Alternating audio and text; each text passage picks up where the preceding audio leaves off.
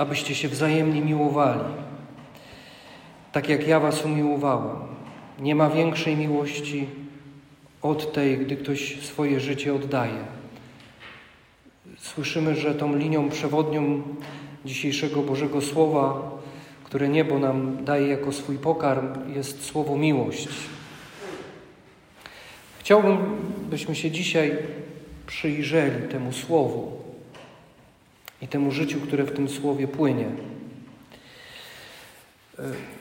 Świat, współczesny świat w sposób szczególny, myślę sobie, używa jednego słowa miłość, sprowadzając różne zachowania i sytuacje do jednej postaci, właśnie tego słowa miłość.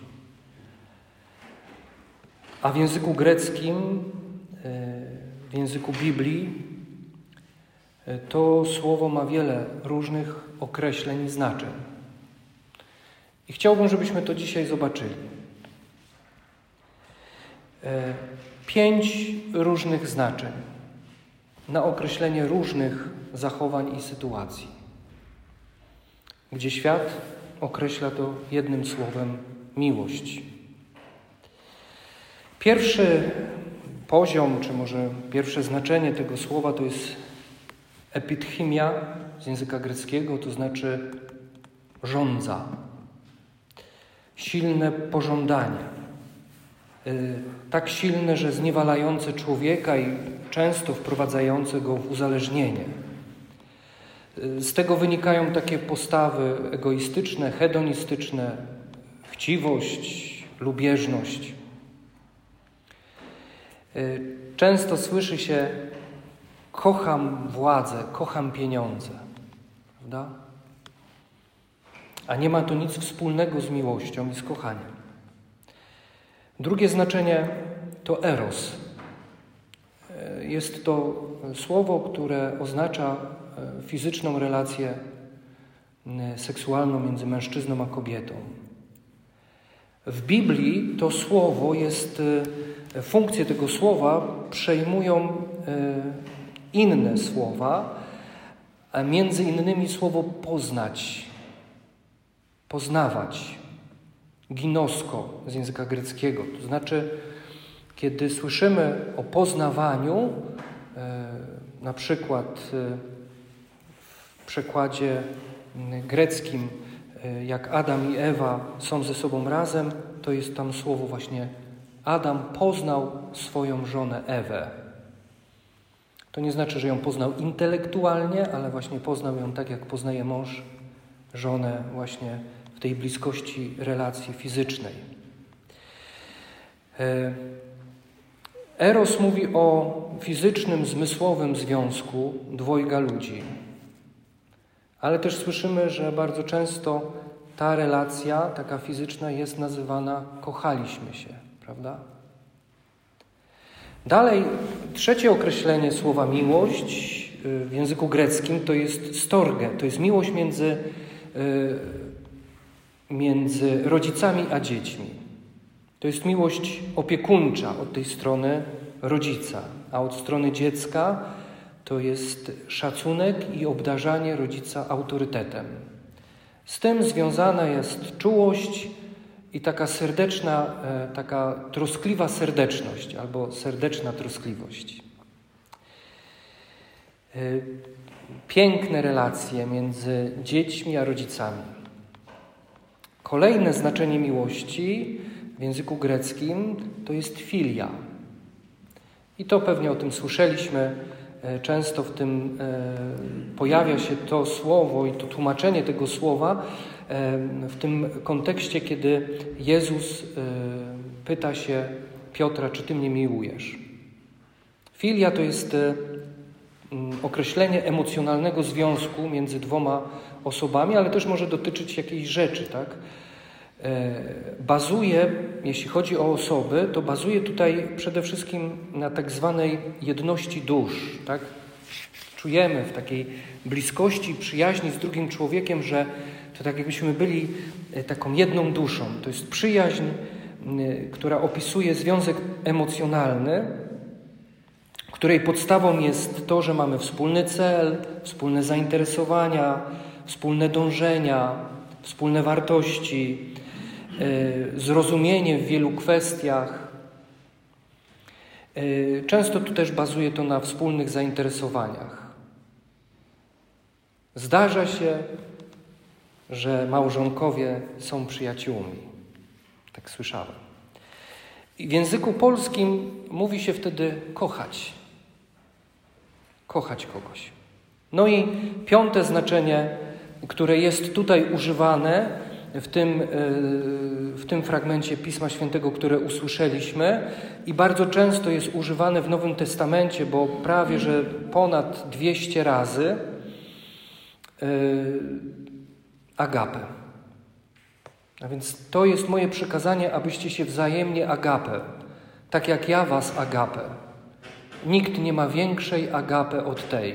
Tutaj właśnie Jezus mówi e, o miłości, używając tego jakby najwyższego stopnia, gdybyśmy tak to stopniowali, e, właśnie miłości. Agape to jest miłość ofiarna, miłość e, bezinteresowna. To jest e, takie e, bezinteresowne, świadome dobro e, dane drugiemu człowiekowi, obdarowanie go dobrem, nawet, uwaga, i to jest bardzo ważne, właśnie w tej miłości agape, nawet jeśli on e, na to obdarowanie nie zasługuje. E, nawet jeśli on na to nie zasługuje. Jest to świadomy wybór i świadome działanie. Jest to działanie pomimo, pomimo tego, że ty mi nie wyświadczasz dobra. Y, z agape związane jest y, ta, e, to rozumienie daru, bezinteresownego. Tak? Ja Ci daję czy z siebie, czy obdarowuję Cię e, jakimś dobrem, niezależnie od Twojej wartości i od tego, co zrobiłeś. Ja Ci bezinteresownie i nieodwołalnie ofiarowuję moją miłość. To jest dar. Jeśli taki dar miłości jest wycofany, to przestaje być miłością, przestaje być darem. Jeśli taki dar, taka miłość jest, e, mm, e, ktoś ci ją wypomina, tak, a, albo się spodziewa od ciebie wdzięczności, to już nie jest dar, to już nie jest prawdziwa miłość. Tym rozumieniu agape. A więc trochę nam się rozjaśnia, kiedy Jezus mówi o tej właśnie miłości ofiarni, o, ofiarniczej, bezinteresownej, jedynej, nieodwołalnej. To jest dar nieodwołalny. Jezus nigdy nie będzie kazał sobie e, za tę miłość zapłacić Tobie. Nie wystawi rachunku. On nie trzyma e, na krzyżu dłoni rozpostartych, w której z jednej z tej dłoni trzyma rachunek, który musisz zapłacić za Jego miłość. Nie ma czegoś takiego. To jest dar, dar mu dany bezinteresownie. I Jezus mówi: Kochaj mnie w taki sposób. Y, trwaj w tej miłości. Trwaj w miłości mojej. Pragnij mnie, tęsknij za mną. To jest to wszystko, co przerabialiśmy y, przez te ostatnie nasze dni w czasie Eucharystii. A będziesz doświadczać tej miłości e, będziesz mnie poznawał, czyli e, ginosko, czyli e, eros, będziesz mnie poznawał, będziesz mnie doświadczał. Będziesz doświadczał mojego agape, storge, fileo, czyli mojego kochania, mojej czułości, troskliwości. Będziesz doświadczał tej całej, całego ogromu tej miłości, ale przede wszystkim będziesz doświadczał tej bezinteresownej miłości, e, łaskawości, przebaczenia, miłosierdzia, które wyraża się w agapę. Które wyraża się w agapę. To jest potężna miłość, do której On nas zaprasza. To jest przykazanie. Bo Jezus, zauważ, że On to mówi, to jest moje przykazanie. To wam przykazuje, abyście się wzajemnie miłowali. Nie mówi tutaj, to wam przykazuje, abyście tonami czym, czytali duchowe książki. Nie mówi tutaj, to wam przykazuje, abyście codziennie spędzali na klęczkach po dwie godziny. To wam przykazuje, abyście odmawiali nowenny, różańce. Nie. Wiecie, to jest, e, to jest przerażająca prawda, bo my często e, zamiast kogoś obdarować dobrem, nawet jeśli on na to nie zasługuje, wolimy zasłonić się praktyka, praktykami modlitewnymi. A to ja się za niego pomodlę. Zamiast mu wyświadczyć dobro, a Jezus mówi: To wam przykazuje, abyście się wzajemnie miłowali. Wiecie, to słowo, to zdanie mi wali po prostu po oczach. Ono mi cały czas mówi: Nawróć się wreszcie. To jest pytanie, które Jezus zadaje. Znaczy, to nie jest pytanie, to jest, to jest taki nakaz tak, ewangeliczny, ale jednocześnie on niesie ze sobą pytanie: jak mnie kochasz, jak kochasz drugiego człowieka i jak kochasz siebie. Wiecie, że te trzy miłości to jest jedna miłość i one są ze sobą po, po, połączone. Potrójny węzeł trudno zerwać. Nie możesz powiedzieć, że w swoim życiu 90 osób e, nie kochasz, nienawidzisz, no bo one zrobiły ci krzywdę, ale 10 lubisz, 10 jest ok. E, nie możesz też powiedzieć, znaczy możesz tak powiedzieć, tak? Ale wtedy zobacz, jaki ma rachunek też Twoja miłość względem siebie samego i Pana Boga. Wiecie, że te miłości są lustrami dla nas. Na ile kocham siebie, na tyle będę kochał Pana Boga i drugiego człowieka. Nie inaczej. Rozumiesz? Czy wyświadczasz w sobie dobro, bezinteresowne? Czy męczysz się raczej z samym sobą?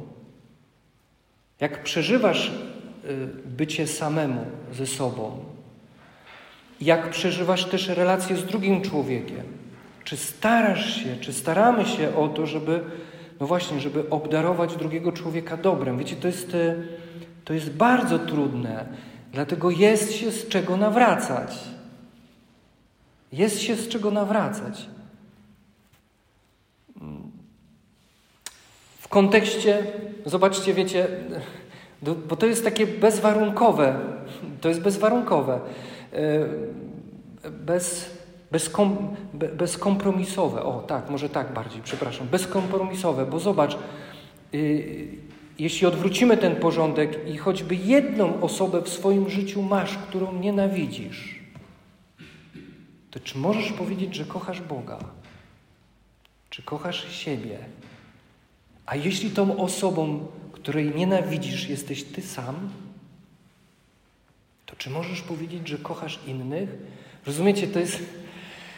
E, to, za, to, to zabiera dech w piersiach po prostu. Bo tu już się zaczyna chrześcijaństwo bardzo konkretne, bardzo trudne. Święty Jan od Krzyża powiedział: Będziemy sądzeni z miłości. Na końcu, kiedy spojrzysz Jezusowi w oczy, Jezus zapyta się tylko jedno: czy kochałeś? I ty momentalnie w ułamku sekundy będziesz wiedział. Yy, I może odwrócisz wzrok i powiesz: Jezu, nie jestem jeszcze gotowy.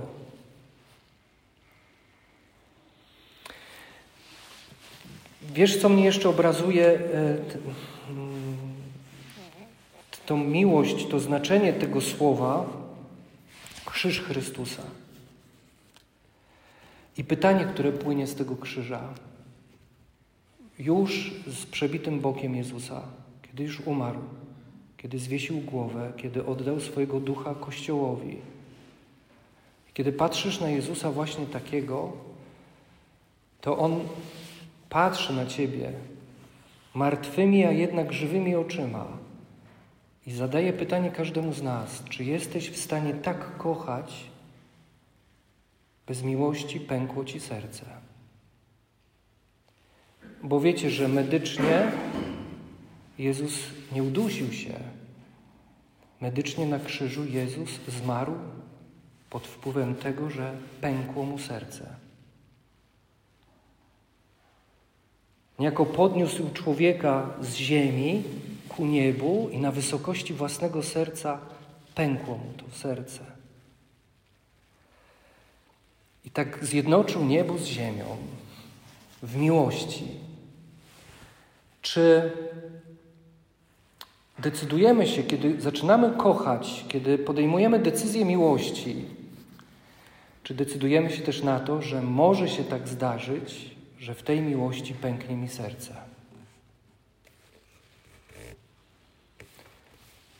To jest moje przykazanie, abyście się wzajemnie miłowali tak, jak ja was umiłowałem. Abyście się wzajemnie miłowali.